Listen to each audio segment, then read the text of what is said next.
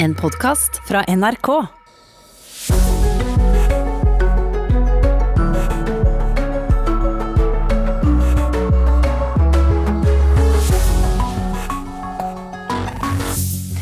Riktig god morgen. Klokka er 6.30. Du hører på NRK Nyhetsmorgen.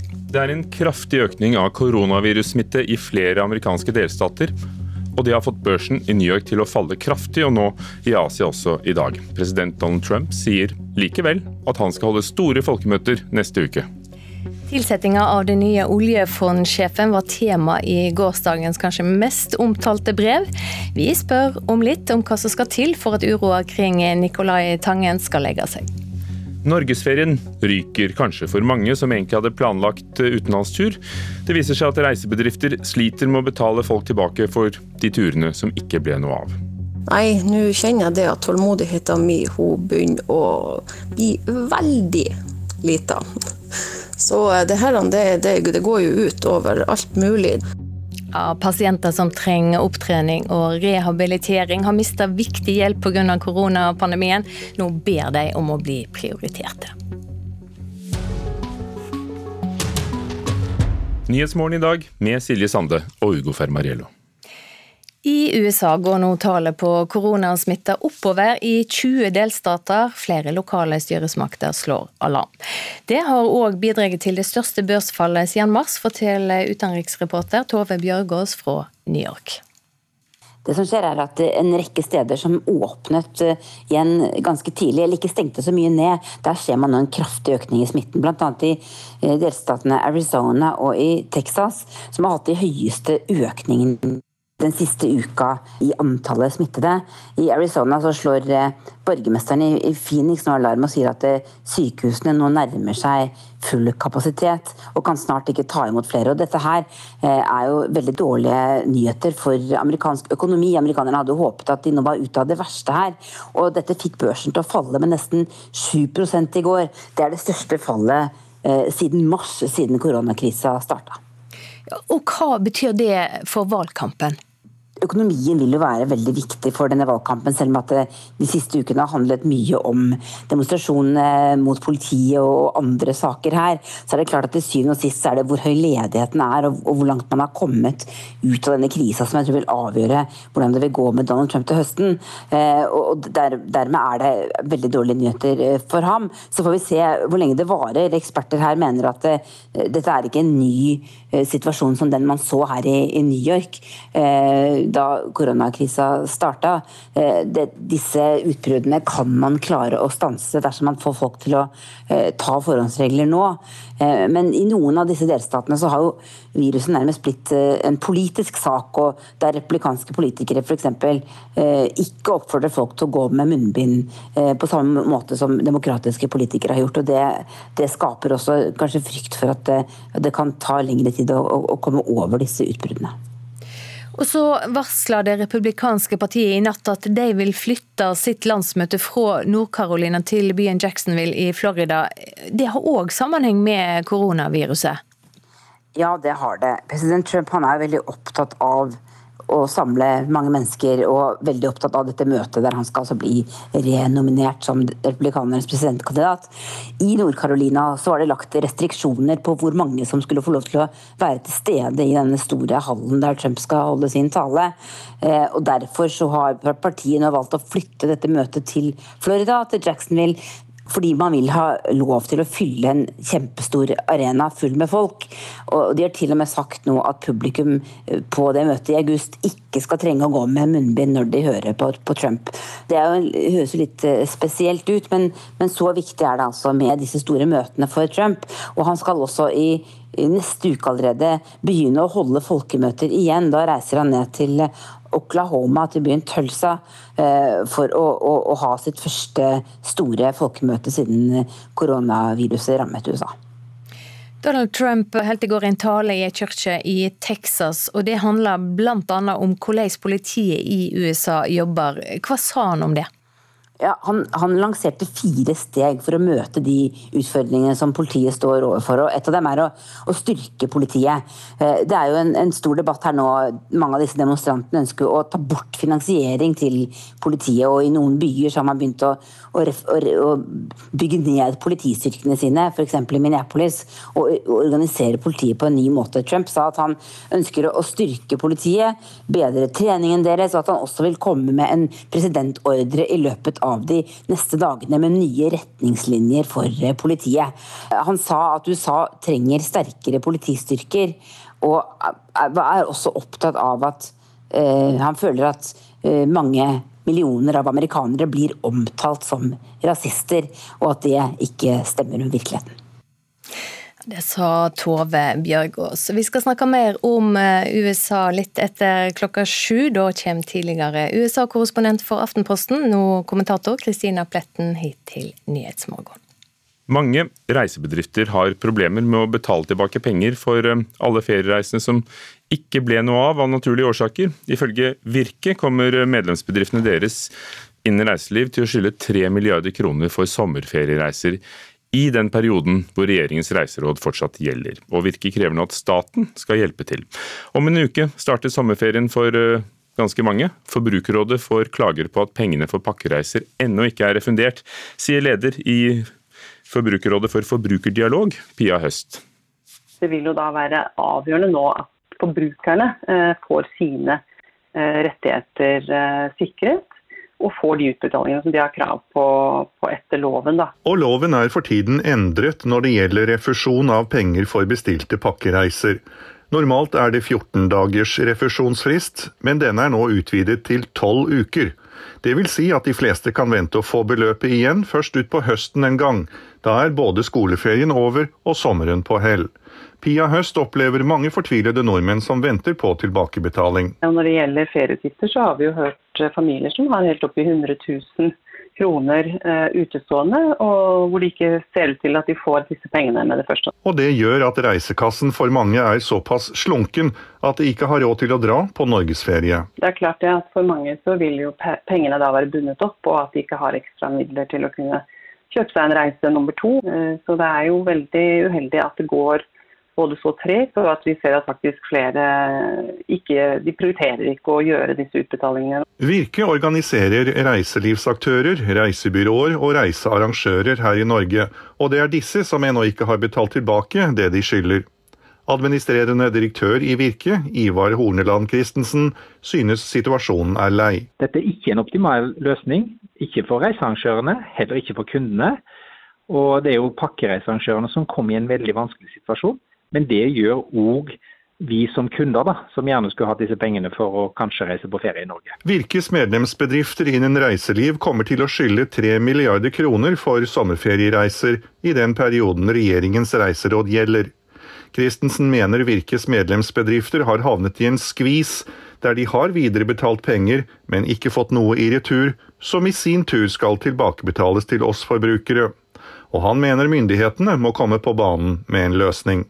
Derfor må man inn og komme med en kompensasjonsordning for å løse dette. og Det er det eneste løsningen man har, både for å gi forbrukerne pengene tilbake, men òg sikre at pakkereisearrangørene ikke går konkurs. Reporter var Tor Albert Frøsland. og I dag kommer regjeringen med nye reiseråd som skal gjelde nabolandene, men ifølge det NRK erfarer vil det ikke bli mulig med ferieturer til Sverige.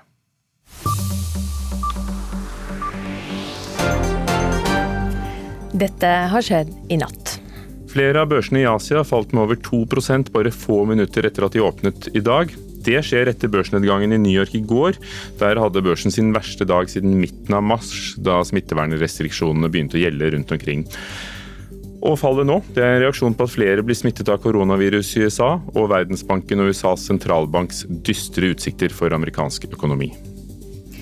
USA er eh, sammen med Irak om å redusere tallet på amerikanske soldater i Irak de neste månedene. I et felles dokument fra de to landene heter det at trussel fra terrorgruppa IS er blitt mindre, og at eh, tallet på amerikanske soldater i Irak derfor skal nedover. I kjølvannet av protestene mot rasisme over hele verden har nå en britisk strømmetjeneste, eid av allmennkringkasteren BBC, fjernet en moderne klassiker av en komiserie fra 1975, nemlig en episode fra Hotell i særklasse, der John Cleese som hotelleier Basil Fawlty kommer med det kjente sitatet 'Don't mention the war', ikke nevn krigen. Strømmetjenesten UK TV har ikke sagt noe om hvorfor, men ifølge The Guardian, som skriver om dette, inneholder denne episoden eh, blant annet eh, kommentarer om et eh, vestindisk cricketlag som kan ses på som rasistiske. En uh, sitat som ofte er blitt fjernet allerede de siste årene. Og dette skjer i dag. Norge avslutter kampanjen for å få en plass i FNs sikkerhetsråd for to år. Utenriksminister Ine Eriksen Søreide og kronprins Haakon holder en digital mottakelse. I et forsøk på å vinne over nok stemmer til å slå Canada i, i kampen, og dette blir avgjort torsdag neste uke. Regjeringa kommer med nye reiseråd for Norden klokka 14 i dag. Etter det NRK kjenner til, blir det ikke åpna for ferieturer til Sverige. Regjeringa mener risikoen for koronasmitte i Sverige er for høy, men har ifølge VG vurdert om det skal gjøres unntak for enkelte deler av landet. Store pasientgrupper med behov for opptrening og rehabilitering lir pga. koronapandemien, som har tatt nesten alle ressurser de siste månedene. Nå krever Personskadeforbundet en plan for å ta igjen dette etterslepet. For mange som har mista nødsynt helsehjelp i denne tida, er det både kritisk og vondt. Jeg har mye smerter, ja. Da er det bare å sette seg ned og, bite i noe hardt, skal jeg si. og det, det, den plager meg veldig. Ja, det er beklagelig at eh, det er mange i Norge som ikke får det helsetilbudet eh, som eh, man ellers ville fått. Assisterende helsedirektør Espen Rostrup Nakstad kan bare gi en mager trøyst til Line Thorsen i Bø i Vesterålen. Hun er en av mange som har måttet utsette rehabilitering når helsevesenet har prioritert både tid, rom og personell til kampen mot korona. Lisbeth ble skadd i venstre skulder i ei arbeidsulykke i 2002, og sliter fremdeles. Mindre slitsomt blir det ikke med venting, venting og enda mer venting. Nei, nå kjenner jeg det at tålmodigheten min hun begynner å bli veldig lita. Så det her det, det, det, går jo ut over alt mulig. Det, man føler seg jo ikke 100% lenger med å og kan til og med klare de daglige gjøremålene. Ja, nei, Det er veldig beklagelig. Og, og, for de som allerede har ventet lenge, så er det klart at det å vente enda lenger, det er ikke optimalt på noen måte. Nå er det jo heldigvis sånn at sykehusene og spesialisthelsetjenesten er i ferd med å komme nærmere normal drift. Eh, så mye går eh, omtrent som før. Eh, og på noe er det et etterslep. Og innen rehabilitering og en del oppfølging av kronikere er det nok fortsatt dessverre et etterslep på aktiviteten. Det er mange som trenger rehabilitering slagpasienter og andre som har vært gjennom operasjoner, trafikkskadde og personer som har vært utsatt for andre ulykker, kanskje på arbeidsplassen. I Personskadeforbundet etterlyser de en plan for å ta igjen det tapte for alle de som måtte vike plass under pandemien, sier assisterende generalsekretær Per Oretorp. Fra vår side så mener vi at det krever en omfattende styrking av eh, rehabiliteringsområdet i spesialisthelsetjenesten, men også i kommunen. For kommunene må jo ta et større ansvar her nå. Men det kravet må reises lokalt, sier Nakstad. Ja, helseforetakene eh, har jo ansvar for dette og har lagt gode planer for hvordan man nå skal ta igjen etterslep og komme opp i mest mulig normal drift. For de som går til rehabilitering, er hovedmålet å komme seg i arbeid igjen. Det vil også Lisbeth Thorsen. Ja, absolutt. Det er målet mitt å komme ut i arbeid igjen, for alt i verden. Det ønsker jeg, men eh, jeg ser bare mer og mer at noe drastisk må til for at jeg skal, jeg skal klare det, pga. de smertene jeg har og bevegelighet. Og hun vil ikke bare tilbake til arbeidslivet. Det handler om livskvaliteten generelt. For også livet på fritida ville vært så mye bedre om hun hadde blitt kvitt smertene. Nei, nå er det jo sånn at jeg er jo veldig glad i å være på havet og sette kveitva og dra kveitva og sånn, og fiske i vann og nå er det sånn at jeg sitter og gruver meg bare for å ta den fiskestanga og begynne å kaste, for da vet jeg hva som skjer etterpå. Reporter her, det var Bjørn Atle Gildestad.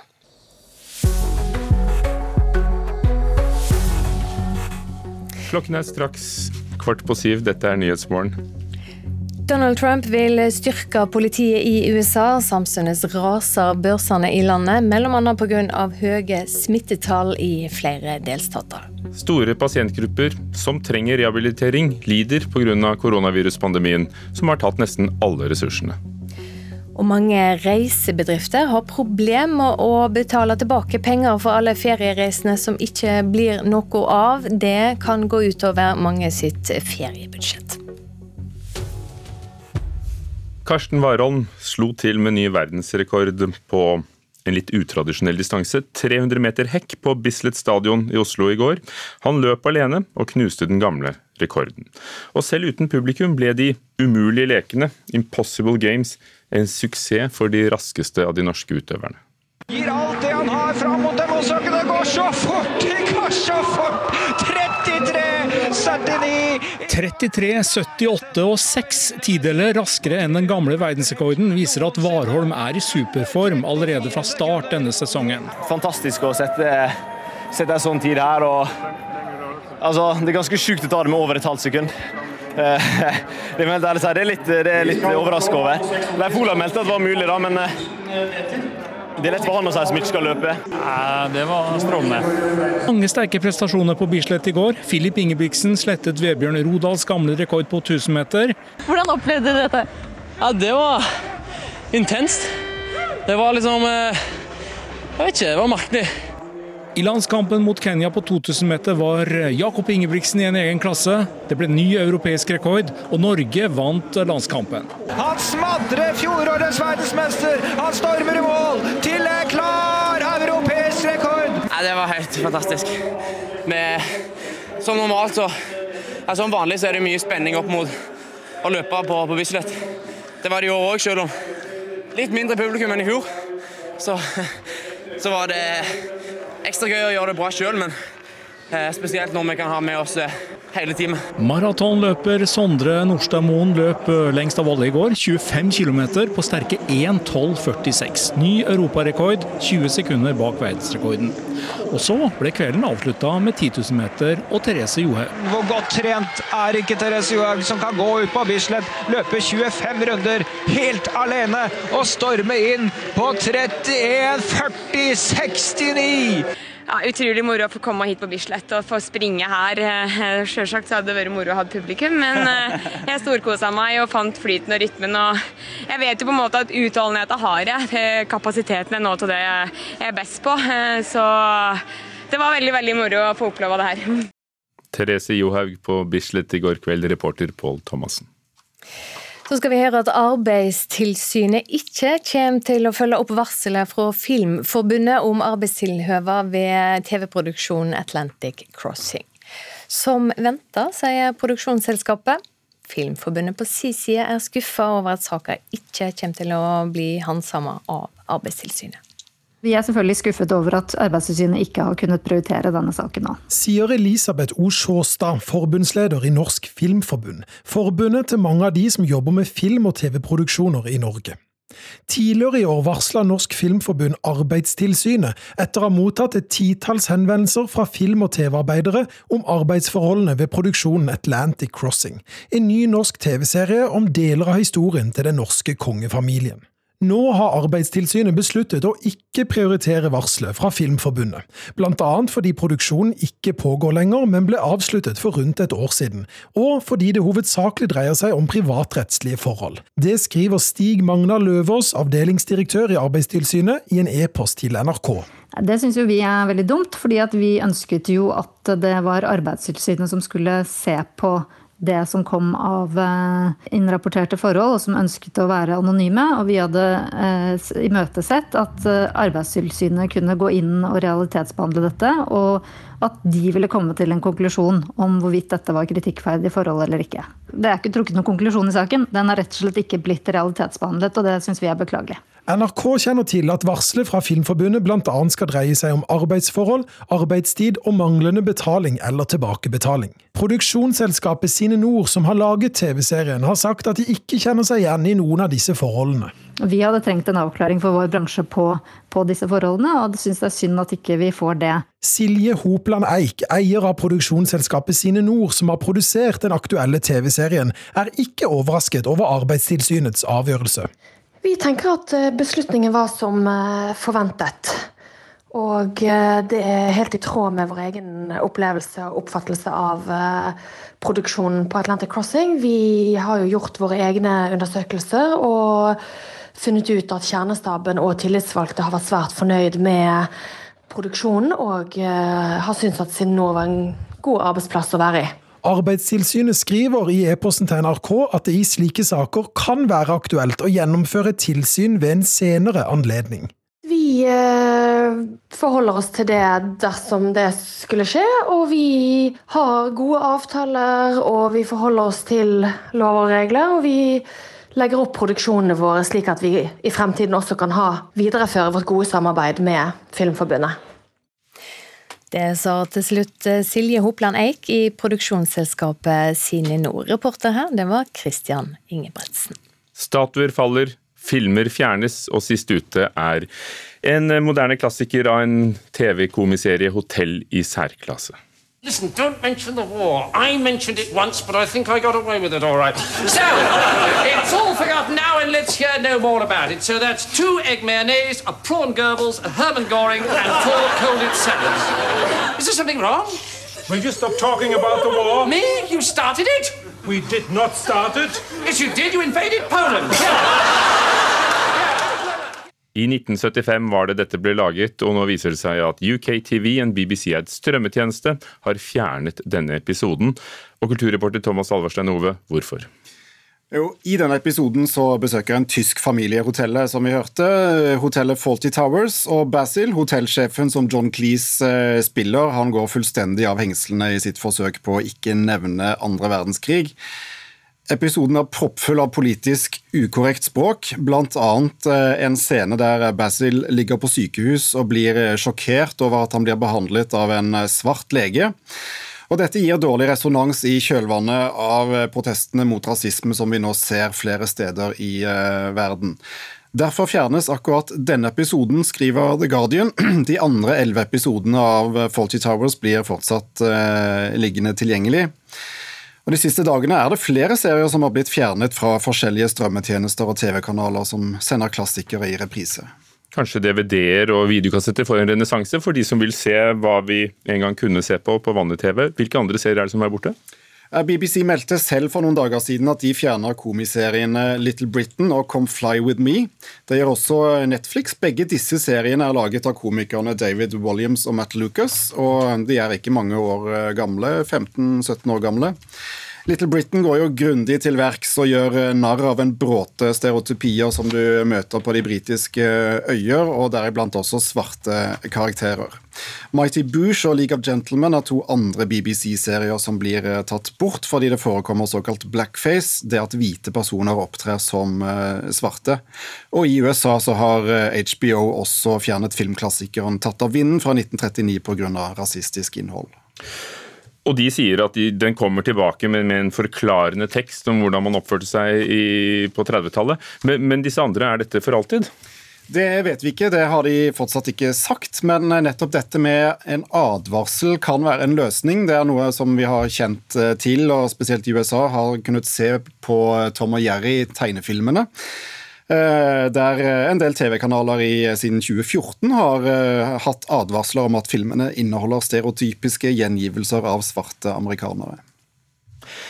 Minnestedet etter 22.07-terroren, planlagt på Utøyakaien ved Tyrifjorden. Der blir byggingen av dette utsatt. Hvorfor det? Nå trodde vi kanskje at denne lange eh, debatten var, var kommet til en slutt. Ja, for nå er det ikke mange uker siden Hole kommune vedtok reguleringsplanen. Eh, så dermed skulle byggingen kunne starte, men eh, en lang rekke naboer har klaget vedtaket inn for Fylkesmannen, og nå er det altså bestemt at eh, byggingen ikke kan starte før denne klagen er behandlet. Og hva er det de har klaget på? De mener minnesmerket vil være en påkjenning å leve med så tett på, både som en påminnelse hver dag om det som skjedde tilbake i 2011, men de frykter også at stedet vil bli besøkt i så stor grad at det vil eh, forstyrre hverdagen. Og Klagen eh, går på at eh, prosessen ikke har gått riktig for seg. Takk, Thomas Alvarstein Ove. Vi skal til Troms og Finnmark nå. Der legger fylkeskommunen opp til store kutt i utdanningstilbudet for ungdom i Finnmark. Alta videregående skole må spare inn 8 millioner kroner, samtidig som fylkeskommunen bruker 4 millioner kroner på en folkehøgskole, noe som ikke er en lovpålagt oppgave. Høyres fylkespolitiker Kristen Albert Ellingsen stiller seg uforstående til prioriteringene til fylkeskommunen arbeidet på, av fylkesrådet er ikke prioritering i det hele tatt, det er heller konservering. Man ivaretar ting man har gjort. Og så er det de som har skoen på. Lærerne og elevene og lederne i den videregående skolen som er de store taperne. I tillegg så har man også prioritert ikke-pålagte oppgaver, som f.eks. folkehøyskole og andre tilbud. Fylkesråd for utdanning i Troms og Finnmark, Bjarne Rode, mener den økonomiske situasjonen har vært svært vanskelig. Eh, det er jo en, en krevende eh, situasjon eh, for så vidt både fordi at vi jo får for lite penger fra staten, rett og slett. Og så er det jo en litt sånn kompliserende faktor med at vi nå har slått sammen to fylkeskommuner som egentlig har med seg sine gamle budsjett. Og det å få både oversikten og Eh, å bygge i hop eh, organisasjonen er jo noe som ikke er gjort over natta. Det er mange oppgaver som ikke direkte er lovpålagt, som vi likevel ønsker å, eh, å bruke penger på. Men det er ikke prioritering i for seg at man flytter penger fra lovpålagte oppgaver til den folkehøgskolen. Det er ikke måten man har operert på. Alta videregående må spare inn 8 millioner kroner innen 2021, noe som ikke vil være mulig ifølge klubbleder for Utdanningsforbundet på Alta videregående skole, Egil Mofoss. Skolen bruker mye midler for å tilrettelegge spesialundervisning som er lovpålagt. Dermed kan et tilbud som kantine og bibliotek ryke for å spare inn midlene. Dette bekymrer Mofoss, som mener innsparingene til syvende og sist vil gå utover elevene. Jeg syns at fylkeskommunen først og fremst må fokusere på å drive de videregående skolene i, i Finnmark. Det, og det er klart når vi får kutt som vi mener eh, rammer elevene våre, så syns jeg jo ikke det harmonerer helt da. Summen er en katastrofe for elevene, lærerne og hele skoletilbudet. Man går inn i en eh, skole som har åpenbare utfordringer. Det vet både posisjon og administrasjon. Administrasjonen har gjort oss oppmerksom på det i mange år, men man velger å ikke gjøre noe med det. Ser man på tiltredelseserklæringa til det nye fylkesrådet, så står det to ting om skole. Det ene er at man ikke skal få lov å velge den skolen man ønsker. Og det andre er at man skal ha skolefrokost, eller mat. Begge disse to tingene er ikke noe svar på de utfordringene som er i Finnmarksskolen. Heller tvert om. Hva er svarene?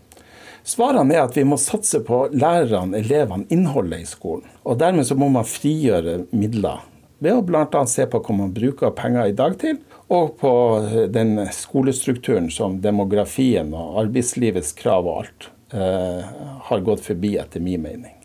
Og det sa fylkespolitiker Kristen Albert Ellingsen. Han mener de videregående skolene i Finnmark må sammenslås for at den økonomiske kabalen skal gå opp. Noe utdanningsråd Rode er åpen for å diskutere. Eh, ligger det med i det vedtaket at vi skal se på administrative samordninger av de videregående skolene? Eh, nå skal vi ikke forskuttere hva det nødvendigvis vil bety å ende opp med, men eh, vi er ikke fremmed for å se på muligheter for å, um, å, finne både bedre måter å gjøre, det, gjøre ting på, og eventuelt også noen innsparingsmuligheter hvis, hvis, man kan finne det. Jeg kan slå fast er jo at vi eh, ikke skal legge ned noe skolested, i hvert fall. For det er, er vi veldig tydelige på i vår politiske plattform. Men hvordan skolestedene skal organiseres, vil jo være et, um, et annet spørsmål som vi har også vedtatt at vi skal se på. Og Fylkeskommunens fremtidige økonomi behandles torsdag 18.6. Reporter i denne saka det var Jo Hermstad Tronsen. Klokka nærmer seg sju. Det er straks klart for en bulteng fra Dagsnytt-redaksjonen. Etter det så skal vi høre skal det handle om Den internasjonale straffedomstolen, ICC. De mener det er uakseptabelt at USA nå vil innføre sanksjoner mot ICC-tilsatte som skal etterforske amerikanere for krigsbrotsverk i Afghanistan. I dag kommer regjeringen med nye reiseråd som gjelder Norden. Og ifølge det VG erfarer, så har de diskutert om enkelte deler av Sverige enkelte fylker kan besøkes. Eh, så vi har med oss eh, ordføreren i Strømstad, som håper på mange norske besøkende senere i løpet av Nyhetsmorgen, for å høre om hans forventninger. Men nå er klokken straks eh, syv, og vi får Dagsnytt.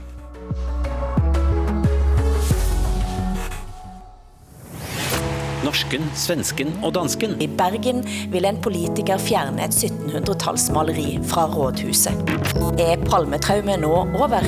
Endelig skulle vi få vite svaret. Hvem avfyrte skuddet mot Olof Palme 1986? I Danmark har hvite demonstranter fått helt egne regler i denne ukens demonstrasjoner mot rasisme. Norsken, svensken og dansken, søndag klokka 11 i NRK P2. Her er NRK Dagsnytt klokka sju. Tallet på koronasmitta stiger fremdeles i 20 delstater i USA, og flere lokale styresmakter slår alarm. Dette har også ført til det største børsfallet siden mars, sier reporter Tove Bjørgaas i New York. Det som skjer er at En rekke steder som åpnet eh, igjen ganske tidlig, eller ikke stengte så mye ned, der ser man nå en kraftig økning i smitten. Bl.a. i eh, delstatene Arizona og i Texas, som har hatt de høyeste økningene den siste uka i antallet smittede. I Arizona så slår eh, borgermesteren i Phoenix nå alarm og sier at eh, sykehusene nå nærmer seg full kapasitet og kan snart ikke ta imot flere. Og dette her eh, er jo veldig dårlige nyheter for amerikansk økonomi. Amerikanerne hadde håpet at de nå var ute av det verste her. Og dette fikk børsen til å falle med nesten 7 i går. Det er det største fallet siden mars, siden koronakrisa starta. Tove Bjørgaas. USA er blitt sammen med Irak om færre amerikanske soldater i landet de neste månedene. Styresmaktene i de to landene hadde møte i går. I et felles dokument heter det at trusselen for terrorgruppa IS har blitt mindre, og at USA derfor vil holde fram med å redusere tallet på soldater i Irak. Mange nordmenn som eh, egentlig skulle på utenlandsferie i år, kommer seg heller ikke på ferie i Norge. For mange har forhåndsbetalt deler av, eller hele, utenlandsferien, og ennå ikke fått tatt pengene. Det gjør at eh, flere ikke har råd til å legge ut for en ny ferie. Pia Høst i Forbrukerrådet. Det vil jo da være avgjørende nå at forbrukerne eh, får sine rettigheter sikret og får de utbetalingene som de har krav på, på etter loven. Da. Og Loven er for tiden endret når det gjelder refusjon av penger for bestilte pakkereiser. Normalt er det 14 dagers refusjonsfrist, men denne er nå utvidet til 12 uker. Det vil si at de fleste kan vente å få beløpet igjen først utpå høsten en gang. Da er både skoleferien over og sommeren på hell. Pia Høst opplever mange fortvilede nordmenn som venter på tilbakebetaling. Når det gjelder ferieutgifter, så har vi jo hørt eh, familier som har helt oppi 100 000 kroner uh, utestående, og hvor det ikke ser ut til at de får disse pengene med det første. Reporter Tor Albert Frøsland.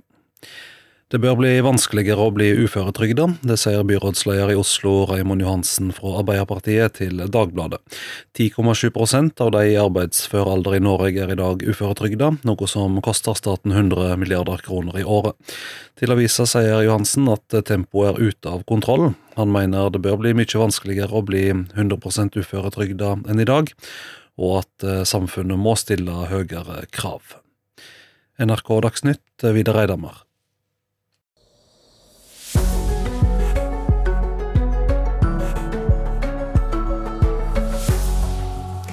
USA liker ikke at Den internasjonale straffedomstolen skal granske amerikanske krigsbrottsverk i Afghanistan. Nå truer USA med å innføre sanksjoner mot ICC-tilsatte.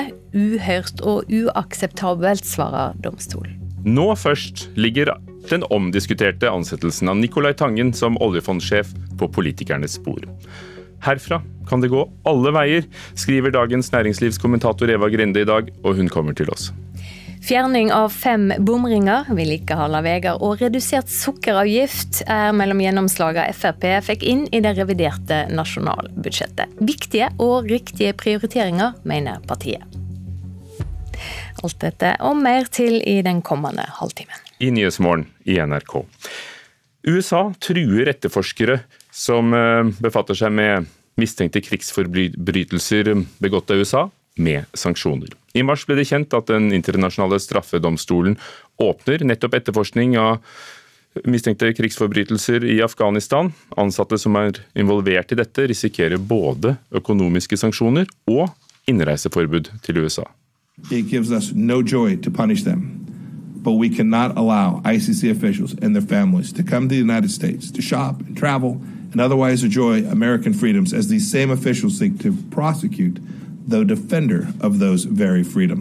Vi kan ikke la medlemmer av strafferettsdomstolen og familiene deres nyte USAs friheter, samtidig som de skal etterforske nettopp oss som forsvarer disse frihetene, sa USAs utenriksminister Mike Pompeo.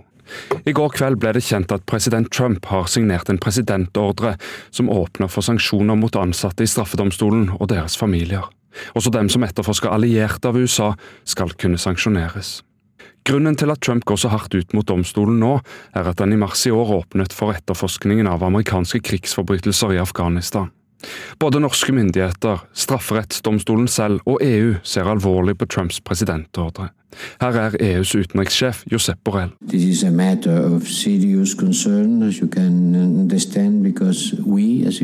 Union, we are steadfast supporters of the International Criminal Court.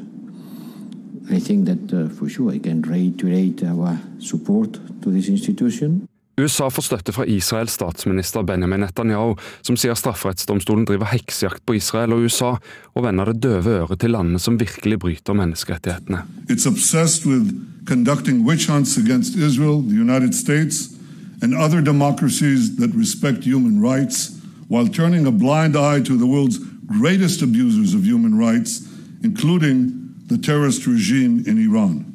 Det hører med til historien at alle USAs presidenter har vært kritiske til domstolen så lenge den har eksistert. George W. Bush innførte en lov som ga USA rett til å invadere Haag hvis amerikanske statsborgere ble stilt for retten der.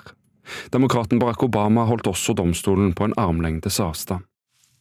Fortalte reporter Martin Roaldsø. USAs president Donald Trump møtte i natt religiøse ledere, politiledere og bedriftseiere i Texas. Tema for møtet var de historiske, økonomiske og helsemessige forskjellene mellom svarte og hvite i USA, og Trump lanserte fire steg for å møte disse utfordringene. Et av dem er å styrke politiet.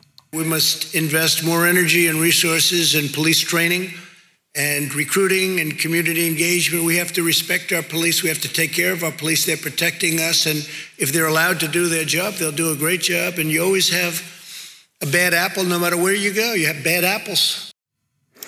Ja, tidligere USA-korrespondent for Aftenposten og nå kommentator Kristina Pletten, velkommen til Nyhetsmorgen. Takk.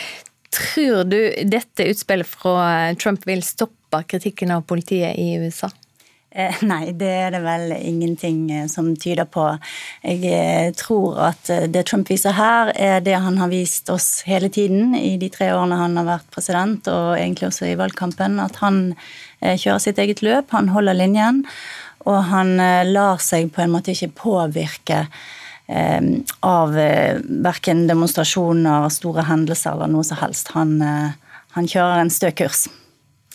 Presidenten kritiserte i går eh, også demonstrantene som han mener stempler alle politifolk som rasister, og han sa at landet nå må gå sammen for å kunne gå videre. We have so many different elements of strength in this country. We have such potential in this country. We have the greatest potential. We have the greatest country in the world. But we get off subject. We start thinking about things that don't matter or don't matter much. Hva er veien videre for USA nå? Det er et godt spørsmål. Eh, jeg tror at denne valgkampen som de nå står på trappene til å starte, eh, vil bli veldig avgjørende for om de kan klare å roe ned dette her eh, voldsomme opprøret som, som har blitt satt i gang av denne politihendelsen i Minneapolis. Trump og hans tilhengere eh, vil nok eh, holde på som de har gjort hele veien. Jeg tror ikke man kan forvente at det kommer veldig mange utstrekte hender der. Samtidig så ser man jo at republikanerne i Kongressen har beveget seg, eh, i hvert fall et lite stykke, da, mot en slags forsonende tone. Sånn at det kan nok hende at selv om Trump fortsetter på sin linje, så kan det nok hende at det er andre elementer i blant de konservative som vil eh, prøve å i hvert fall dempe gemyttene og, eh, og gjøre bre, bre grunnen, sånn at eh, valget høsten kan bli litt roligere. Men la oss snakke litt om det. For flere profilerte republikanere har jo den siste tida vært kritiske mot Trump. Er det tegn til at han er i ferd med å miste støtte fra flere i sitt eget parti? Altså det spørsmålet der, det har vi da eh, spurt eh, mange ganger i løpet av de siste tre årene. Og det har vært mange hendelser der man har trodd at oi, nå mister han støtten i sitt eget parti, men det har alltid vist seg at de eh, til syvende og sist eh, faller fall in line og, og støtter han da. Eh, og Grunnen til det er at Trumps base er sterk, og at han, eh, hans vrede er også like sterk. Hvis noen trosser han, så angriper han knallhardt. Og han eh, gjør det da mulig for de å tape valgene i sine egne hjemstater. Så jeg tror vi vil kanskje se noen få eh, republikanere som kan eh, komme med, med enkelte, kritikk på enkelte felt, men jeg tror ikke vi vil se et, et stort mytteri i partiet. Det tror jeg ikke. Er det et land i krise? Ja, På mange måter så er det jo det. Det er et land i krise når det gjelder rase. Eh, det er et land i krise når det gjelder politikk. Vi har sett eh, flere valgsykluser der, eh, der egentlig outsiderne har fått utrolig mye oppslutning, noe som viser at det etablerte politiske systemet vakler. Og det er et land i krise når det gjelder helsevesen. Men det er også et land som har hatt en utrolig god økonomisk utvikling i mange år. sånn at bildet er ikke ensidig, og det er fortsatt mye med med USA som er bra, sånn at man, man kan ikke tenke at det er et land som er liksom på kanten av stupet. Eh, Donald Trump har varsla at han vil holde fram med sine store folkemøter neste uke. Hvor viktig er de for valgkampen hans? De er enormt viktige. Det, det har vært Trumps eh, suksessformel. Han kommer inn på disse her møtene. Det er som en forestilling. Folk vet hva de skal rope, de vet hva de skal synge. De eh, venter på at Trump skal si sine kjente fraser. Så det er helt klart at eh, dette her er en helt essensiell ingrediens for han dersom han skal vinne i november. Takk for at du kom hit til Nyhetsmorgen, Kristina Pletten. Norsk økonomi eh, får eh, ja, et løft vet jeg ikke, men det skal brukes mer penger på revidert nasjonalbudsjett. Og her er noen av gjennomslagene Frp fikk inn i regjeringens reviderte forslag. Nemlig fjerning av fem bomringer, billigere sukker og mer vedlikehold av veier. Og Dette koster 4,3 milliarder kroner, og, og, gjør at vi kommer nærmere målet om å skape mer og inkludere flere, er tvilsomt. Det er altså dommen fra økonomer vi snart skal høre. Men dette er riktige prioriteringer, det sier Frp selv. Sylvi Listhaug her. Både det å fjerne bompenger og det å fjerne, eller redusere sukkeravgiften, det handler om å redusere avgiftstrykket på folk. Og det er vi veldig glad for å bidra til. Jeg eh, opplever vel ikke at disse påplussingene i seg selv jeg ser ikke at de bidrar til en veldig målrettet stimulans for å kompensere de som er særlig rammet i denne krisen. Eh, så sånn sett så mener jeg at det er ikke en målrettet eh, påplussing. Det sier Hilde Bjørnland, som er økonomiprofessor på BI. Hun mener at rentekuttene til Norges Bank er viktigere for økonomien enn budsjettpåplussingen politikere nå gjør. Å bruke store summer nå er ikke nødvendigvis rett kur når så mye av arbeidsledigheten skyldes at del av økonomien er stengt. Hvis vi skulle gjort noe mer med finanspolitikken, så må jo det vurderes ut fra om det er ledig kapasitet, og, og, hvor treffsikkert det er. Og det er det jeg mener her, at ikke dette nødvendigvis er det. Vi må ikke stirre oss blind på milliardene. Det viktigste nå er å bruke nok penger til at vi får ned arbeidsledigheten. Det sier Jan Ludvig Andreassen, som er sjeføkonom i Eika-gruppa. Så lenge det er kortvarige grep, så mener han at pengebruken er uproblematisk. Så dette her er budsjettet til mitt hjerte, og dessverre så tror jeg ikke det er nok til å hindre at vi får høyere arbeidsrett neste år enn vi hadde i fjor. Å gi eh, vanlige forbrukere og næringsliv mer penger å rutte med eh, vil bidra litt til å øke økonomisk aktivitet, men, men det er en ganske dyr måte å eh, øke aktiviteten på. Det sier samfunnsøkonom i tenketanken Civita, Håkon Rikeles.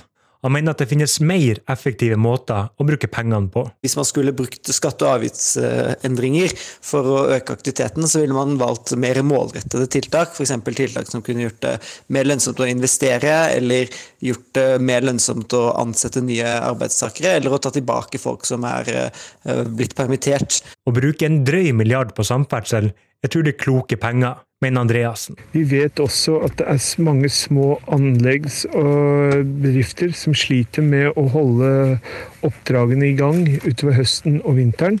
Så den milliarden, den drøye milliarden nå som er lagt på statsbudsjettet, tror jeg er, er kloke penger. Med store deler av økonomien på vei opp, vil det være bedre å se an hvem som blir hengende bak, mener Bjørnland. For Vi vil vente at, noe, at økonomien tar seg opp nå, og da er det veldig dumt å plusse på dette her, på det som allerede er av forbedring i økonomien.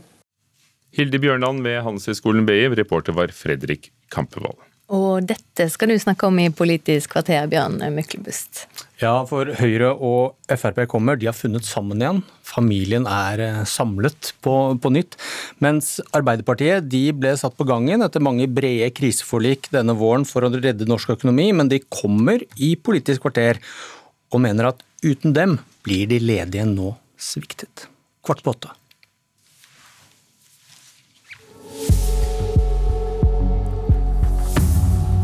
Akkurat en halvtime er det, for nå er klokken kvart over syv. Du lytter til Nyhetsmorgen.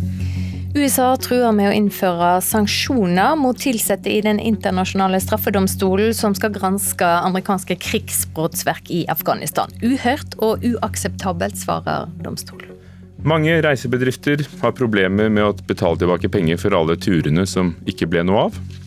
Studenter vil helst ha undervisning på gamlemåten og ikke digitalt. Det viser ei ny undersøking vi snart skal høre mer om.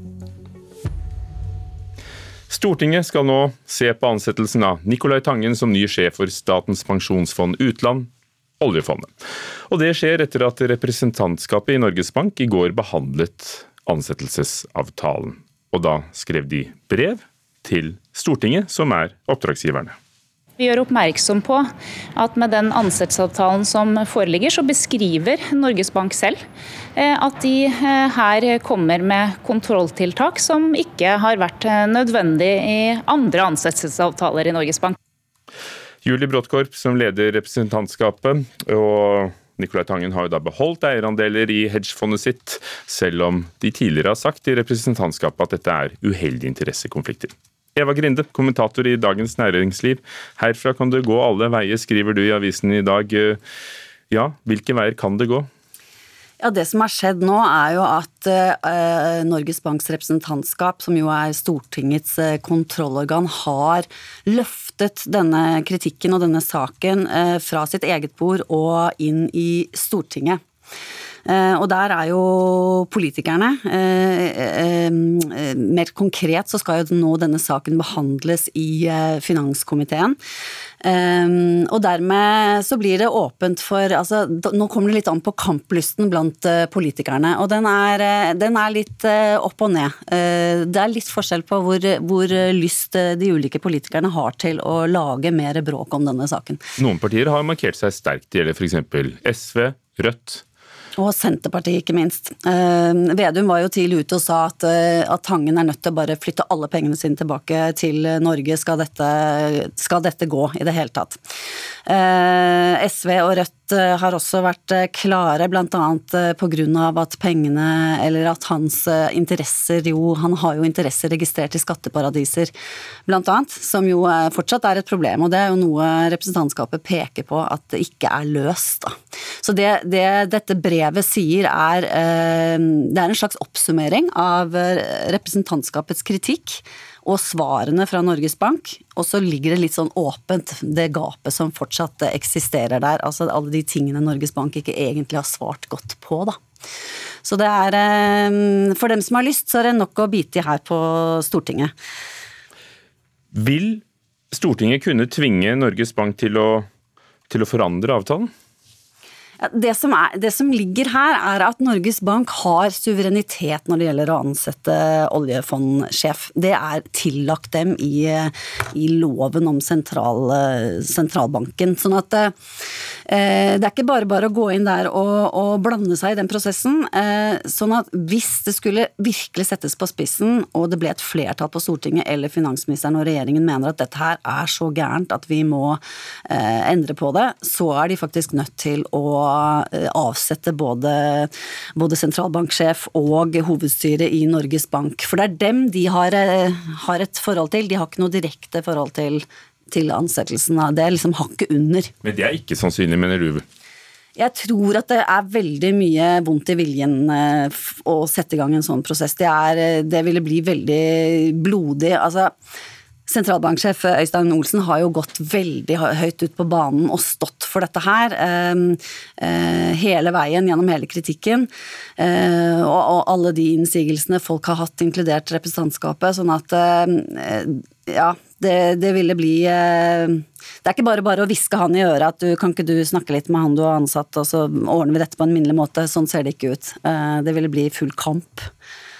Det var mye snakk om dette store seminaret Nicolai Tangen arrangerte i USA for, eh, for, venner og andre, og hvor politikere eh, deltok. og Det var snakk om de var det som privatpersoner eller i embets medfør. Eh, men hva er det største problemet, som du ser det, med Tangens engasjementer?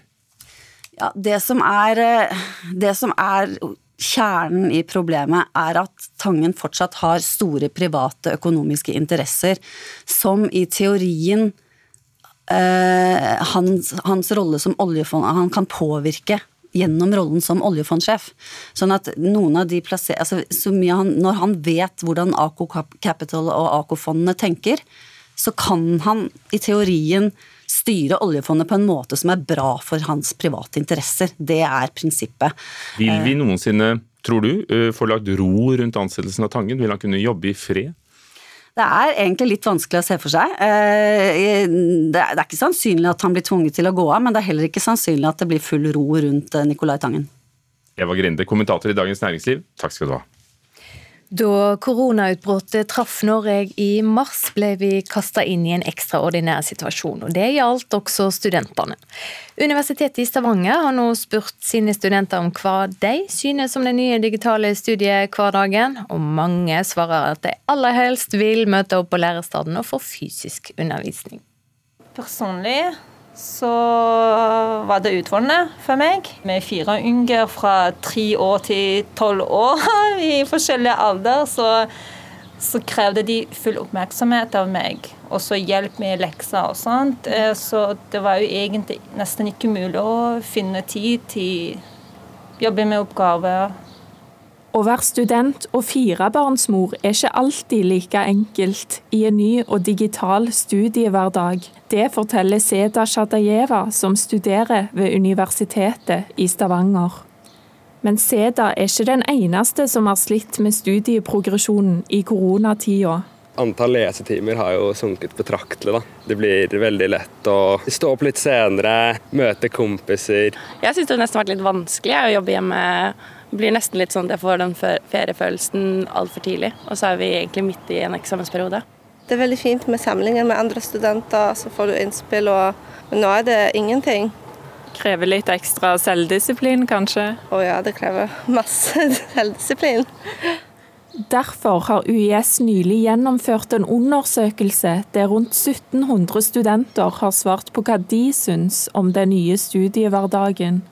Prorektor for utdanning, Astrid Birgitte Eggen, er imponert over omstillingsevnen til både studenter og ansatte.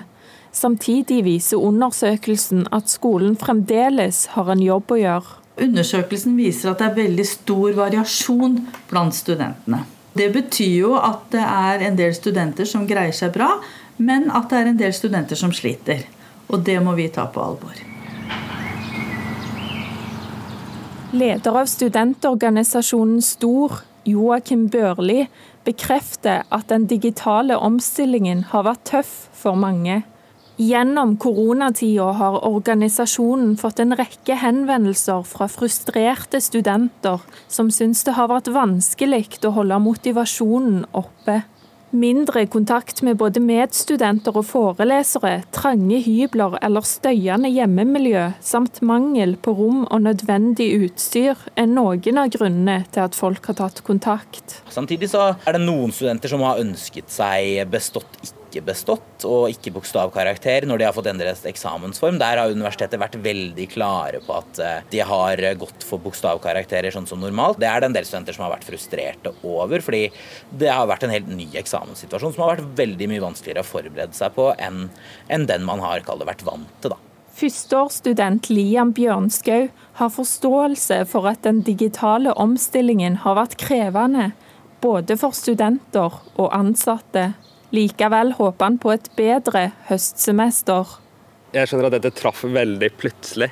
Nå har i hvert fall eh, skolen god tid til å forberede et ordentlig opplegg, sånn at vi kan få et så optimalt eh, læringsmiljø som mulig.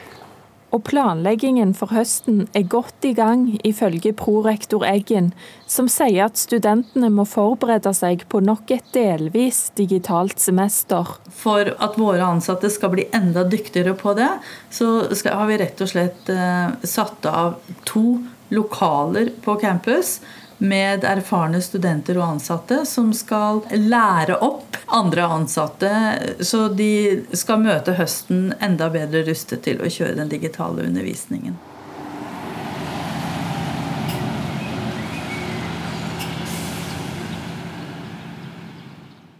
Reporter her, det var Kristine Korneliussen. Og før de blir studenter, må de gå på skolen. F.eks. i Senja. Og der har et av de tettest befolkede områdene fortsatt en utrygg skolevei. I over 30 år har foreldre i Trollvik og Leiknes-området i Senja kommune kjempet for å få egen gang- og sykkelsti. Og fredag ettermiddag aksjonerer store og små enda en gang. Det er veldig farlig å sykle hvis man ikke har det. Det har Brian Pettersen på 11 år erfart. Eh, ja, når jeg sykla i den der Lottasvingen, så kom det en bil veldig fort. Og da var det nesten sånn at eh, det var ikke så langt unna før jeg ble påkjørt. Og det var litt skummelt. I skolegården er alle snøskavlene endelig borte, og hua kan droppes når man skal ut i friminuttet. Langs den ene veggen på Trollvik skole står fargerike sykler lina opp på rekke og rad. Vi, vi sitter jo alle med en, en bekymring.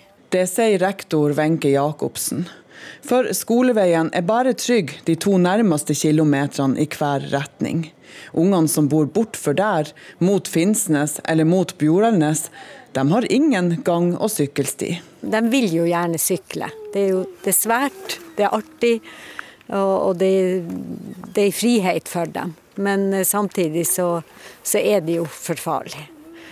Så vi, eh, vi, går jo hvert år og håper at vi skal berge alle gjennom sesongen. Eh, og når sykkelsesongen er over, så kommer vinteren og høye brøyteskavler. Og ja, det er ikke forsvarlig. Og Vi kan rett og slett ikke finne oss i det der lenger. Torstein Jørgensen er en av de som nå skal aksjonere. Det vi har opplevd her, er jo at eh, vi har vært høgst på lista. Eh, og så ramler vi litt ned på lista, og så må man liksom begynne på nytt igjen. Eh, og på nytt igjen. Og dette har egentlig skjedd i 35 år. På kort tid har 700 mennesker mobilisert på ei Facebook-gruppe. Fredag ettermiddag aksjonerer de på en koronatrygg måte. De stiller seg opp i hver sine avkjøringer, iført refleksvester. Og der skal de stå mens de inviterte politikerne kjører forbi. Ingvild Wulfsberg er mor til tre. Vi håper at vi blir hørt, og vi håper at de nå får en plan på det her, sånn at vi blir sluttført. At vi får gang- og sykkelvei for alle de her søte små ungene våre. Det håper vi. Når vi står på vent på bussen, så står vi alltid på busstoppet, så det går egentlig fint. Men når vi skal gå ned dit, så må vi alltid holde tett inntil veikanten. Fordi når bilene kjører rundt svingen, så er det vanskelig å se oss, i hvert fall på vinteren når det er så høye snøskavler. Sånn at da må vi holde ekstra inntil, fordi bilene ser oss ikke rundt svingen. Fortell Kine Hansen. Vi pleier å sykle liksom litt på ettermiddagen her på fotballbanen. Og da pleier liksom mange folk å komme fra jobben, og de skal liksom hjem og lage mat og sånt. Og da pleier det å egentlig være veldig masse trafikk, og da kan det være litt skummelt sier Sara Slorafoss. Ordfører Tom Rune Eliseussen er enig i at noe må gjøres. Det er en kjempeviktig sak òg for eh, Senja kommune. Vi hadde han oppe til behandling senest 2.6 og vedtok en uttalelse fra Senja kommune om at nå må man komme i gang og ferdigstille gang- og sykkelveien, så at vi får den på plass. Når kan den veien da stå ferdig tidligst, tror du? Det er vanskelig å si når den kan stå ferdig, men vi håper jo at vi kan få finansiering i, i rimelig framtid, for å si det sånn. Så, ja. Før vi går inn i 20, på 30-tallet? Ja, det må vi virkelig eh, kunne si. Altså. Plutselig skjer det en ulykke, og da kan jo noe skikkelig dumt skje. Mens vi har gang- og sykkelsti, så går jo alt sikkert helt fint. Brian Pettersen, 11 år gammel ved Trollvik skole på Senja. Reporter var Linda Pedersen. Så har vi hatt en liten stollek her i studio. Vidar Eidhammer er på plass, og han er straks klar med Dagsnytt i hovedsending 7.30. Etter det så skal vi høre at kinesiske produsenter av munnbind som ikke har sett seg inn i det europeiske regelverket, skaper trøbbel for norske styresmakter. Hyllene til tollvesenet er fulle av munnbind de har stoppa på grensa. Og så er det fredag, og siden dette er Nyhetsmorgen, så er det et uh, sikkert kjennetegn at Fredagspanelet kommer kvart over åtte. sier ikke mer nå. Hør ekko. Verdien av dagboka, den du skrev om forelskelse og kyss, og det du skriver om permitteringer og koronaangst, er viktig for deg og viktig for samfunnet. Hør hva vi skriver og hva vi kan bruke dagboka til i Ekko. Ekko mellom 10 og 12 i NRK P2.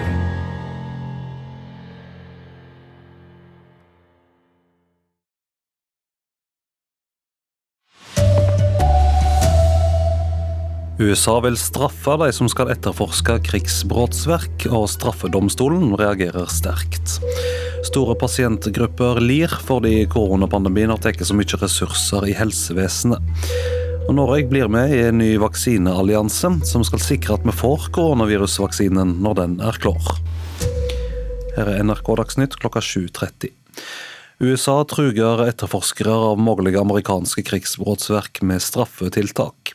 I mars ble det kjent at Den internasjonale strafferettsdomstolen starter etterforsking av mulige brottsverk i Afghanistan. Og Nå risikerer etterforskerne økonomiske straffetiltak og innreiseforbud til USA. It gives us no joy to punish them, but we cannot allow ICC officials and their families to come to the United States to shop and travel and otherwise enjoy American freedoms as these same officials seek to prosecute the defender of those very freedoms. Vi kan ikke la medlemmer av strafferettsdomstolen og familiene deres nyte USAs friheter, samtidig som de skal etterforske nettopp oss som forsvarer disse frihetene, sa USAs utenriksminister Mike Pompeo. I går kveld ble det kjent at president Trump har signert en presidentordre som åpner for sanksjoner mot ansatte i straffedomstolen og deres familier. Også dem som etterforsker allierte av USA, skal kunne sanksjoneres. Grunnen til at Trump går så hardt ut mot domstolen nå, er at han i mars i år åpnet for etterforskningen av amerikanske krigsforbrytelser i Afghanistan. Både norske myndigheter, strafferettsdomstolen selv og EU ser alvorlig på Trumps presidentordre, mens USA får støtte fra Israels statsminister Benjamin Netanyahu, som mener strafferettsdomstolen driver heksejakt på Israel og USA og vender det døve øret til landene som virkelig bryter menneskerettighetene. It's obsessed with conducting witch hunts against Israel, the United States, and other democracies that respect human rights. Det hører med til historien at alle USAs presidenter har vært kritiske til domstolen så lenge den har eksistert. George W. Bush innførte en lov som ga USA rett til å invadere Haag hvis amerikanske statsborgere ble stilt for retten der. Demokraten Barack Obama holdt også domstolen på en armlengdes avstand. Reporter Martin Roaldse. Store pasientgrupper som trenger opptrening og rehabilitering lir fordi koronapandemien eh, har tatt nær alle ressurser. Nå krever pasientorganisasjonen en plan for å ta igjen etterslepet. For mange som har mistet nødsynt helsehjelp i denne tida, har det vært både kritisk og vondt. Jeg har mye smerter, ja. Da er det bare å sette seg ned og, bite i noe hardt, skal jeg til å si. Og... Ja, det er beklagelig at eh, det er mange i Norge som ikke får det helsetilbudet eh, som eh, man ellers ville fått. Assisterende helsedirektør Espen Rostrup Nakstad kan bare gi en mager trøyst til Line Thorsen i Bø i Vesterålen. Hun er en av mange som har måttet utsette rehabilitering når helsevesenet har prioritert både tid, rom og personell til kampen mot korona.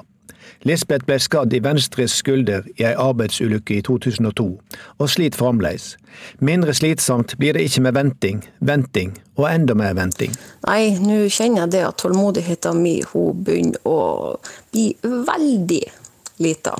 Ja, nei, Det er veldig beklagelig. Og, og, for de som allerede har ventet lenge, så er det klart at det å vente enda lenger, det er ikke optimalt på noen måte. Det er mange som trenger rehabilitering. Slagpasienter og andre som har vært gjennom operasjoner. Trafikkskadde og personer som har vært utsatt for andre ulykker, kanskje på arbeidsplassen. I Personskadeforbundet etterlyser de en plan for å ta igjen det tapte, for alle de som måtte vike plass under pandemien, sier assisterende generalsekretær Per Oretorp. Fra vår side så mener vi at det krever en omfattende styrking av eh, rehabiliteringsområdet i spesialisthelsetjenesten, men også i kommunen. For kommunene må jo ta et større ansvar her nå. Ja, helseforetakene eh, har jo ansvar for dette og har lagt gode planer for hvordan man nå skal ta igjen etterslep og komme opp i mest mulig normal drift. Reporter Bjørn Atle Gildestad. En kamp der alle står mot alle. Det frykter styresmaktene skal skje når en vaksine mot koronavirus er klar. Derfor blir Norge nå med i en ny europeisk vaksineallianse. Målet er å sikre Norge tilgang til en vaksine. Her ser vi vinduene til eh, laboratoriet mitt. og Der inne tar vi bl.a. og forsker på utvikling av eh, en vaksine mot korona. UiO-forsker Gunnveig Grødeland peker mot murveggen på Rikshospitalet i Oslo Et av mange laboratorier i verden hvor det jobbes intenst nå. Det er en rekke forskjellige både universiteter og bedrifter over hele verden som eh, jobber. De aller fleste av disse er konsentrert til Europa, USA og deler av eh, Asia. Så hvem som kommer først opp med en godkjent vaksine, det vet vi ikke ennå. Det er det store spørsmålet. Hvor i verden vil vaksinen bli utviklet? For å øke sjansen for å få en ferdig vaksine til Norge, blir Norge nå med i en ny europeisk vaksineallianse med Frankrike, Tyskland, Nederland og Italia, sier helseminister Bent Høie. Når det blir en vaksine som blir virksom, så kan det fort bli en alles kamp mot alle for å få den vaksinen. Og Derfor er det viktig at landene står sammen, sånn at vi gjør det mulig å både få en solidarisk fordeling av bruken av vaksine, samtidig som òg eh, de eh, store og små landene i Europa står sammen om å sikre at Europa får sin andel av vaksinen. Den europeiske vaksinealliansen Norge nå blir en del av, skal også sikre koronavaksiner til fattige land. Det skal skje i samarbeid med en egen finansieringsordning for slike vaksiner til utviklingsland, som heter Covax. Norge blir også blant landene som gir penger til Covax. Reporter Haldor Asvald. Økonomer er usikre på om eh, Fremskrittspartiet sitt gjennomslag i nasjonalbudsjettet er rett medisin for norsk økonomi. 4,3 milliarder kroner ekstra skal gå til fjerning av bomringer, redusert sukkeravgift og vedlikehold av veier. Dette er altså blant gjennomslag Frp har fått inn i revidert nasjonalbudsjett. Finanspolitisk eh, talsperson eh, Sylvi Listhaug er ikke i tvil om at pengebruken er rett. Både det å fjerne bompenger og det å fjerne, eller redusere sukkeravgiften, det handler om å redusere avgiftstrykket på folk. Og det er vi veldig glad for å bidra til. Jeg eh, opplever vel ikke at disse påplussingene i seg selv jeg ser ikke at de bidrar til en veldig målrettet stimulans for å kompensere de som er særlig rammet i denne krisen. Eh, så sånn sett så mener jeg at det er ikke en målrettet eh, påplussing. Det sier Hilde Bjørnland, som er økonomiprofessor på BI. Hun mener at rentekuttene til Norges Bank er viktigere for økonomien enn budsjettpåplussingen politikere nå gjør.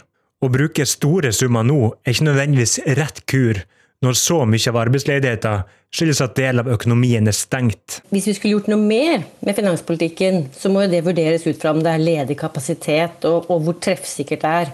Og det er det jeg mener her at ikke dette nødvendigvis er. det. Vi må ikke stirre oss blind på milliardene. Det viktigste nå er å bruke nok penger til at vi får ned arbeidsledigheten. Det sier Jan Ludvig Andreassen, som er sjeføkonom i Eika-gruppa. Så lenge det er kortvarige grep, så mener han at pengebruken er uproblematisk. Så dette her er budsjettet til mitt hjerte, og dessverre så tror jeg ikke det er nok til å hindre at vi får høyere arbeidsledighet neste år enn vi hadde i fjor. Reporter Fredrik Kampevold, og det blir debatt om revidert nasjonalbudsjett i Politisk kvarter klokka 7.45. BBC fjerner en episode fra serien Hotell i særklasse fra sine strømmetjenester. Episoden inneholder den kjente scenen der hotelleier Bessel Falty, spilt av John Cleese, får besøk av tyske turister og prøver sitt beste og ikke nevner andre verdenskrig. Listen, don't mention the war. I mentioned it once, but I think I got away with it all right. So, it's all forgotten now, and let's hear no more about it. So that's two egg mayonnaise, a prawn Goebbels, a Hermann Goring, and four colded salads. Is there something wrong? Will you stop talking about the war? Me? You started it? We did not start it. Yes, you did. You invaded Poland. Reporter Thomas Alverstein Ove, hvorfor eh, blir denne episoden fjerna? Episoden er proppfull av det mange i dag regner som politisk ukorrekt språk, og inneholder også en scene der Basil Fawlty blir sjokkert over å få behandling av en svart lege. Dette gir dårlig resonans i kjølvannet av protestene mot rasisme som vi nå ser flere steder i verden. Men uh, Hotell i særklasse, eller Faulty Towers, uh, er ikke den uh, eneste serien som ikke lenger er mulig å se? De siste dagene er fire andre BBC-serier fjernet fra både egne og andre strømmetjenester, deriblant Little Britain av komikerne Matt Lucas og David Williams. Og Den serien er ikke eldre enn 17 år. HBO har også tatt bort klassikeren Tatt av vinden fra 1939. Men Er disse seriene, eller denne episoden også da fjerna for godt?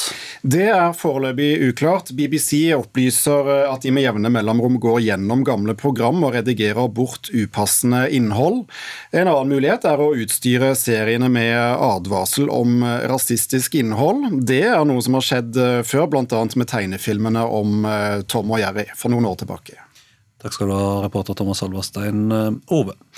Ansvarlig for denne sendinga var Arild Salbjørg, og her i studio Vidar Eidhammer.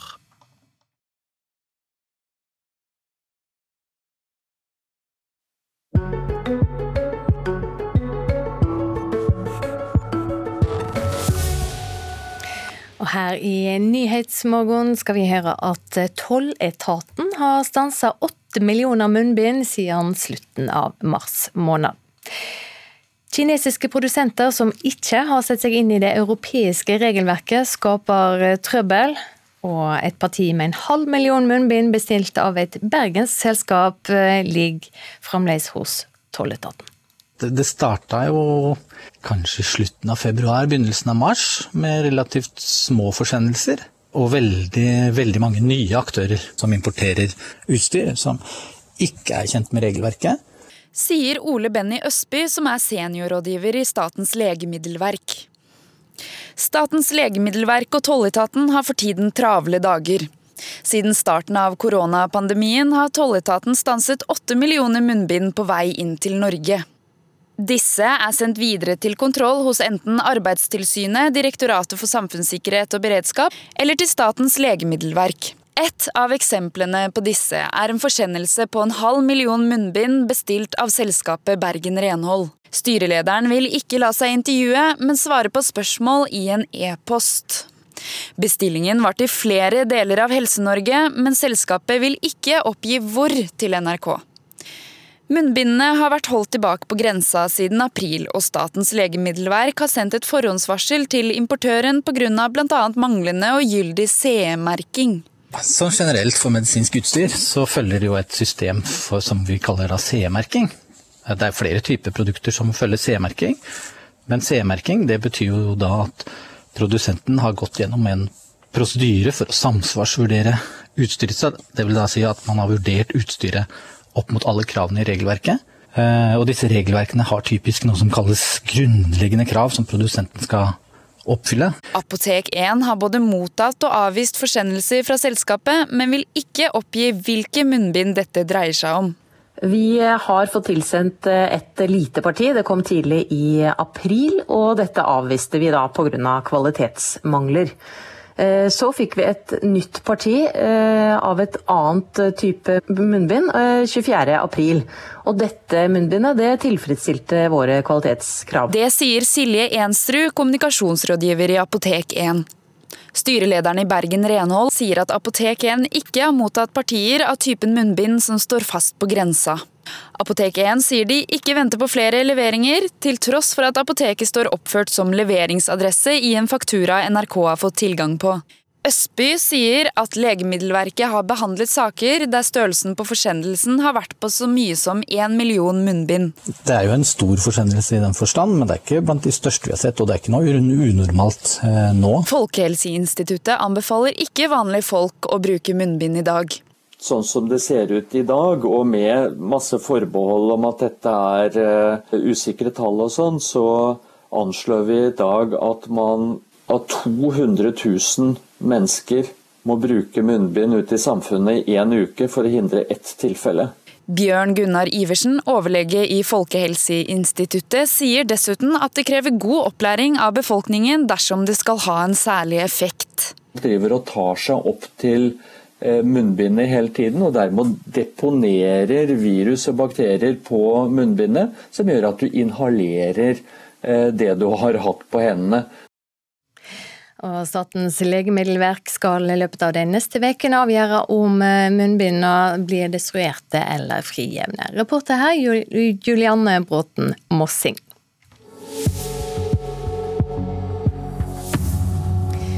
USA truer med å innføre sanksjoner mot eh, ansatte ved Den internasjonale straffedomstolen, som skal granske amerikanske krigsbrottsverk i Afghanistan. Uhørt og uakseptabelt, svarer domstolen. Nei, nå kjenner jeg det at tålmodigheten min hun begynner å bli veldig lita. Så eh, det, her, det, det, det går jo ut over alt mulig. Pasienter som trenger opptrening og rehabilitering har mista viktig hjelp pga. koronapandemien. Nå ber de om å bli prioriterte. Og En del av de som skulle på utenlandstur i sommer, kan måtte droppe feriereise også i Norge, fordi lommeboka er tom. Mange reisebedrifter sliter med å betale folk tilbake for turene som ikke ble noe av. Nå er det klart for Politisk kvarter med Bjørn Myklebust.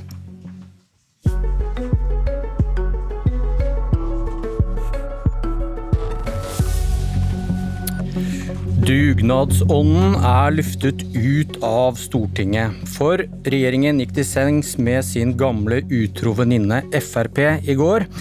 Med enighet om et revidert budsjett og en ny krisepakke snudde den borgerlige flokken ryggen til resten. Det kostet. I går ble regjeringspartiene og Fremskrittspartiet altså enige om en ny koronakrisepakke for å få aktivitet i økonomien, og de ble enige om et revidert nasjonalbudsjett. Årets budsjett måtte justeres kraftig for et Norge midt i en krise. Og forhandlingene førte til at det ble lagt 4,3 milliarder kroner oppå alle de andre milliardene. God morgen, Mudassar Kapur. God morgen. Du leder finanskomiteen, og du har ledet forhandlingene for Høyre på Stortinget. Sylvi Listhaug, velkommen til Politisk kvarter. Tusen takk. Du forhandlet for Fremskrittspartiet. Og så har vi en gjest til. Men for å understreke hvor utenfor hun har vært av det som skjedde i går, så venter vi litt med å hilse på henne. Eh, men Kapur, eh, hvorfor var hun og de andre partiene i opposisjonen utenfor denne gangen? Du og Erna Solberg har understreket hvor viktig brede forlik har vært for å få Norge gjennom krisen. Og den står vi fortsatt midt oppi. Det understreket du i går. Ja, eh, vi har jo nå behandlet både revidert nasjonalbudsjett og krisepakken for såkalt fase tre for Norges vei ut av krisen. Eh, revidert budsjett har vært helt naturlig å forhandle med Fremskrittspartiet, fordi at vi også laget budsjett sammen med de. Og den nye pakken som ble lagt på bordet, eh, ser såpass eh, langt frem i tid og hadde så store budsjettmessige konsekvenser at eh, for oss var det naturlig å snakke med Fremskrittspartiet om den pakken også samtidig, og se om vi kunne finne løsninger sammen der. Hva skjedde med grunnene til å ha disse brede forlikene, da? Nei, De grunnene for å ha brede forlikene ligger der fortsatt. Opposisjonen er hjertelig velkommen til å stemme for de vi har kommet ja, frem til. Så det er mye god politikk å velge og vrake. Men vi er også litt mer tilbake i, til normalen. altså det var en akutt fase i starten hvor det var viktig å få brede forlik, men akkurat denne saken, som har hatt store budsjettmessige konsekvenser, er en pakke på 27 milliarder kroner oppå revidert nasjonalbudsjett. Det har vært naturlig at vi har snakket med Fremskrittspartiet først. Ok, Dere valgte å gjøre opp med Frp, som har fått en rekke gjennomslag i budsjettet.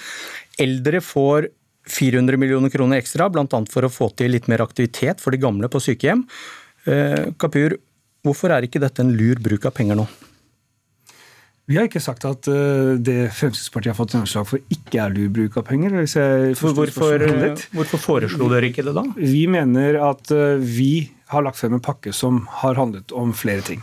Det har handlet om å skape mer, inkludere flere, få til et skikkelig kompetanseløft i samfunnet og det grønne skiftet, og få hjulene i gang. Så, så, så, hvorfor er det ikke lurt å gi 400 millioner kroner ekstra til de eldre nå, da? Vi har faktisk lagt inn midler til det, men ikke så mange som Frp ønsket. Eh, og så har det vært en forhandling mellom oss og Fremskrittspartiet, og da er det som det er ofte i forhandlinger, det handler om å gi og ta. Det kunne man sagt om mange andre punkter vi også har forhandlet om i andre krisepakker. Men spørsmålet er hvorfor du, er hvorfor du egentlig er mot dette? Jeg har aldri vært imot det. Når vi stemmer nå for det som et forlik, så betyr det at vi er for det, men det er jo helt normalt at med forhandlinger får inn andre innspill enn det man har lagt frem selv. Det betyr ikke at man har vært imot det man ikke har tatt med. 600 millioner skal brukes på å fjerne fem bomstasjoner. Hvorfor er ikke dette en lur bruk av penger nå? Det er eh, en ting som har kommet opp i forhandlingene fra Fremskrittspartiet. Det er ikke noe tvil om at vår prioritering har jo vært de 27 milliardene vi har lagt på bordet for å få i gang norsk økonomi. Eh, men eh, det å fjerne bompenger eh, kan også være med på å gjøre det litt billigere å kjøre gjennom disse stedene med de som er bilister. Og det har vært en prioritering fra Frp sin side som vi har tatt med inn i forhandlingene. Skaper den milliarden vi snakker om her nye jobber? Ny ja, det kan det gjøre. Fordi her er det faktisk snakk om å forsere en del veiprosjekter som kan komme raskere i gang. Ikke når du kutter, ikke når du kutter bompengene, vel? Bompenger kuttes eh, bare på fem steder. Her er det en del veiprosjekter. Ja, jeg snakket om 400 millioner kroner til eldre og 600 millioner kroner for å fjerne ja. Jeg trodde du snakket om den veimilliarden ja, som også ja. ligger der, men da kan jeg få introdusere den også. Nei, jeg spurte deg men, om, de, om den milliarden vi snakket om her skaper flere jobber.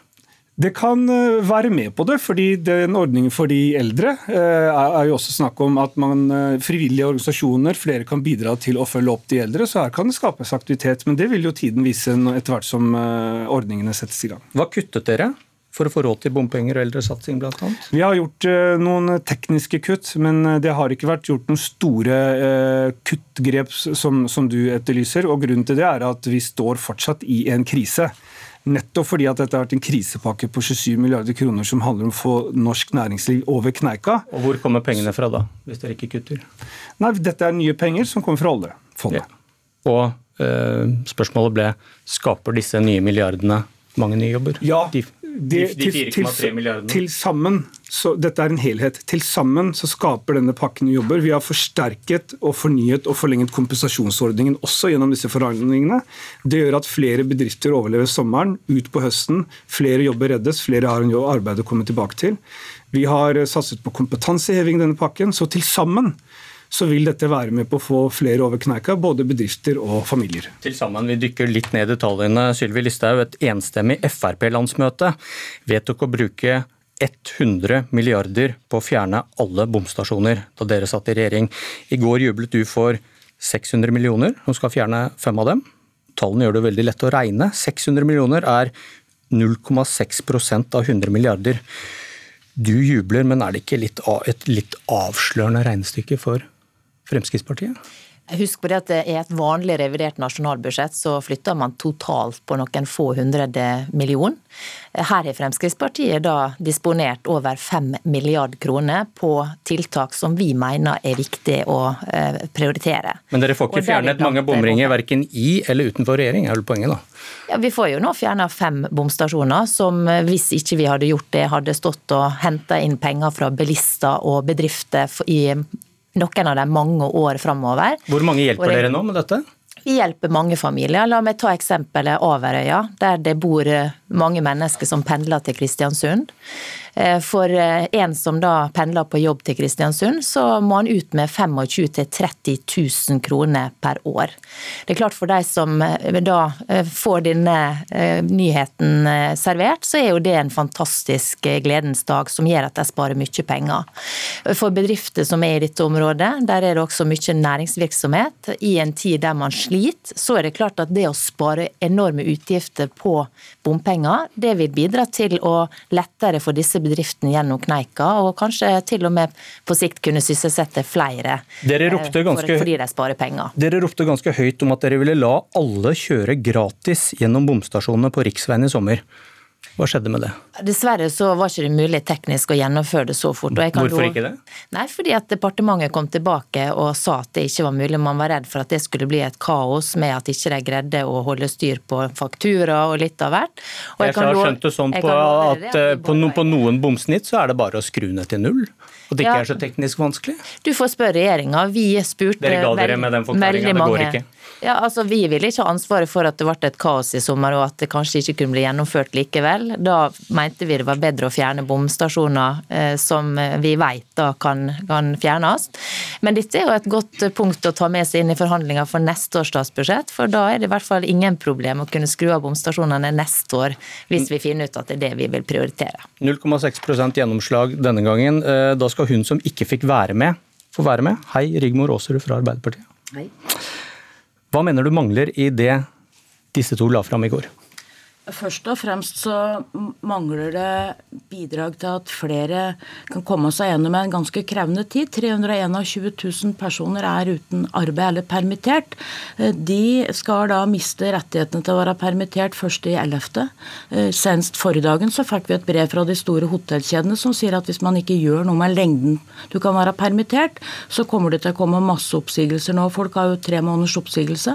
Det betyr at rett etter ferien så må de begynne å si opp folk. hvis man man ikke kan forlenge permitteringstida. Hva koster det du foreslår, da? Ja, det å forlenge permitteringstida koster om lag 1,8 milliarder kroner eh, fram til jul. Det ville sikre mange arbeidsplasser på den måten at man ikke behøvde å si opp folk, og folk hadde trygghet for at man hadde en tilknytning til arbeidslivet. I tillegg så kutter man de økte satsene som vi forhandla fram eh, i mars, der de som går på dagpenger får litt mer av det som har vært vanlig. Det kuttes også fra fra 1.11. Det mener vi er feil. Samtidig så bruker man jo fortsatt den gamle oppskrifta med å gi skattelette til de som har aller mest. Hadde man brukt de penga, så hadde man nesten vært i mål med å forlenge permitteringstida fram til 1.1. Det mener vi hadde vært en riktig prioritering.